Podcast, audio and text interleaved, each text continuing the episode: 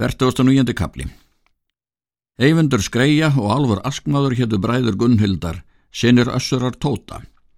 Þeir voru menn miklir og all sterkir og kapsmenn miklir. Þeir höfðu þá mest yfirláta Veiríki, konungi og Gunnhildi. Ekki voru þeir menn þokkasælir af alþýðu, voru þá á ungum aldri og þó fullkomnir að þroska. Það var um vorið að blótskildi vera að sumri á gaulum.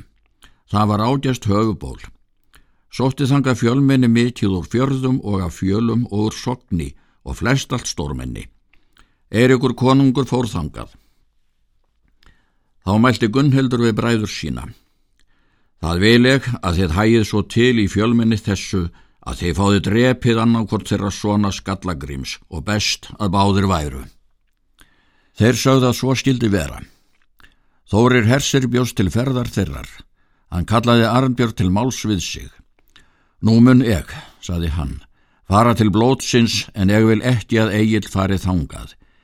Ég kann ræðum gullnheildar en kappsemde Egils en ríti konungs að þess mun eigi hægt að gæta alls saman. En Egil mun ekki letjast láta nema þú sért eftir. En Þórólfur skal fara með mér, segir hann, og aðrir þeir föru nautar. Skal Þórólfur blóta og leita heilla þeim bræðrum. Síðan sagði Arnbjörn Agli að hann mun heima vera og við báðir, sagði hann. Egil hvað svo vera skildum. En þeir Þórir fóru til blótsins og var þar allmikið fjölminni og drikkjur miklar. Þórulfur fór með Þóri hvar sem hann fór og skildust aldrei í dagni að nótt. Eyvindur sagði Gunnhildi að hann fekk ekki færi við Þórulf. Hún bað hann þá drepa einhvern manna hans, heldur en allt beri undan.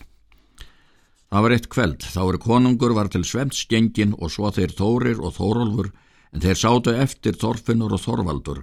Þá komu þeir bræður, eyfundur og álfur og settust hjá þeim og voru all kátir. Drukku fyrst sveitadrykju. Þá kom þar að horn skildi drekka til háls. Drukku þeir saman eyfundur og Þorvaldur en álfur og Þorfinnur. En er áleið kveldið Þá var drökki við sleitur og svínæst orðannippingar og þá stórirði. Þá hljóp eyfindur upp og brá saksi einu og lagði á Þorvaldi svo að þar var ærið bana sár. Síðan hljópu upp hvorur tveggju, konungsmenn og húskarlar Þóris en menn voru allir vopplausir inni því að þar var hofs helgi og gengumenn í milli og skildu þá er óðastir voru. Var þá ekki fleira til tíðinda það kveld.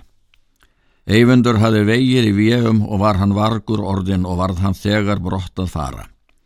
Konungur bauð bætur fyrir mannin en Þórólfur og Þorfinnur sögðu að þeir höfðu aldrei tekið mannbætur og þeir vildu ekki þær taka. Stildust að svo búnu. Fóru þeir Þórir heim. Eirikur konungur og þau Gunnhildur sendu Eyvind söður til Danmerkur til Haralds konungs Gormssonar því að hann mátti þá eigi vera í norrænum lögum. Konungurinn tók vel við honum og förniti hans. Eyvindur hafði til Danmarkar langskip mikið síðan setti konungur Eyvind þar til landvarnar fyrir vikingum.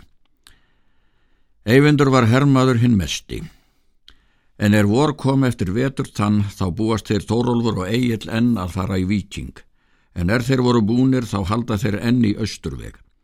En er þeir koma í vikina þá sigla þeir söður fyrir Jótland og herja þar og þá fara þeir til Fríslands og dveljast mjög lengi um sumarið en þá halda þeir enn aftur til Danmerkur. En er þeir koma til landamæris þar sem mætist Danmörkur og Frísland og lágu þá við land þá var þar eitt kveld er menn byggust til sveps á skipum að menn tveir koma á skip eigils og sögða að þeir áttu við hann erindi. Var þeim fyllt til hans. Þeir segja að ági hinn auði hafi sendt þá þangað með þeim erindum að eyvindur skreia liggur úti fyrir Jótlands síðu og ætlar að sæta yður þá er þér farið sunnan og hefur hann lið mikið saman dreyið svo að þér hafið engi áhöld við ef þér hittið lið hans allt. En hann sjálfur fer með léttskipum tveimur og er nú hér skamt frá yður. En er tíðindi þessu komið fyrir eigil, þá láta þeir þegar af sér tjöldin, bað þá fara hljóðlega. Þeir gerðu svo. Þeir komi í dögun að þeim eyvindi þar er þeir lágu um akkeri, láðu þegar að þeim letu ganga bæði grót og vopn. Fjall þar lið margt af eyvindi en hann sjálfur hljóf fyrir borð og komst með sundi til lands og svo allt það lið er undan komst. En þeir Egil tóku skipin og fött þeirra og vopn. Fór það aftur um daginn til liðsins, hittu þá Þórulf. Spyr hann hvert Egil hafi farið eða hvar hann hafi fengið skip þau er að þeir fara með. Egil segir að Eyvindur Skreia hafi haft skipin og þeir höfðu af honum tekið. Þá hvað Egil? Gerðum helsti harða ríði fyrir Jótland síðu, barði skvelsásu varði vikingur dana ríki, áður á sund fyrir sandi snarfengur með lið drengja, östra önnar hesti Eyvindur og fljóp Skreia. Þóralu segir, það ætlaði ef yður hafa svo gert að osmun ekki haustlangt ráð að fara til Noregs. Egil segði að það var vel þótt þeir leituðu þá í annan stað.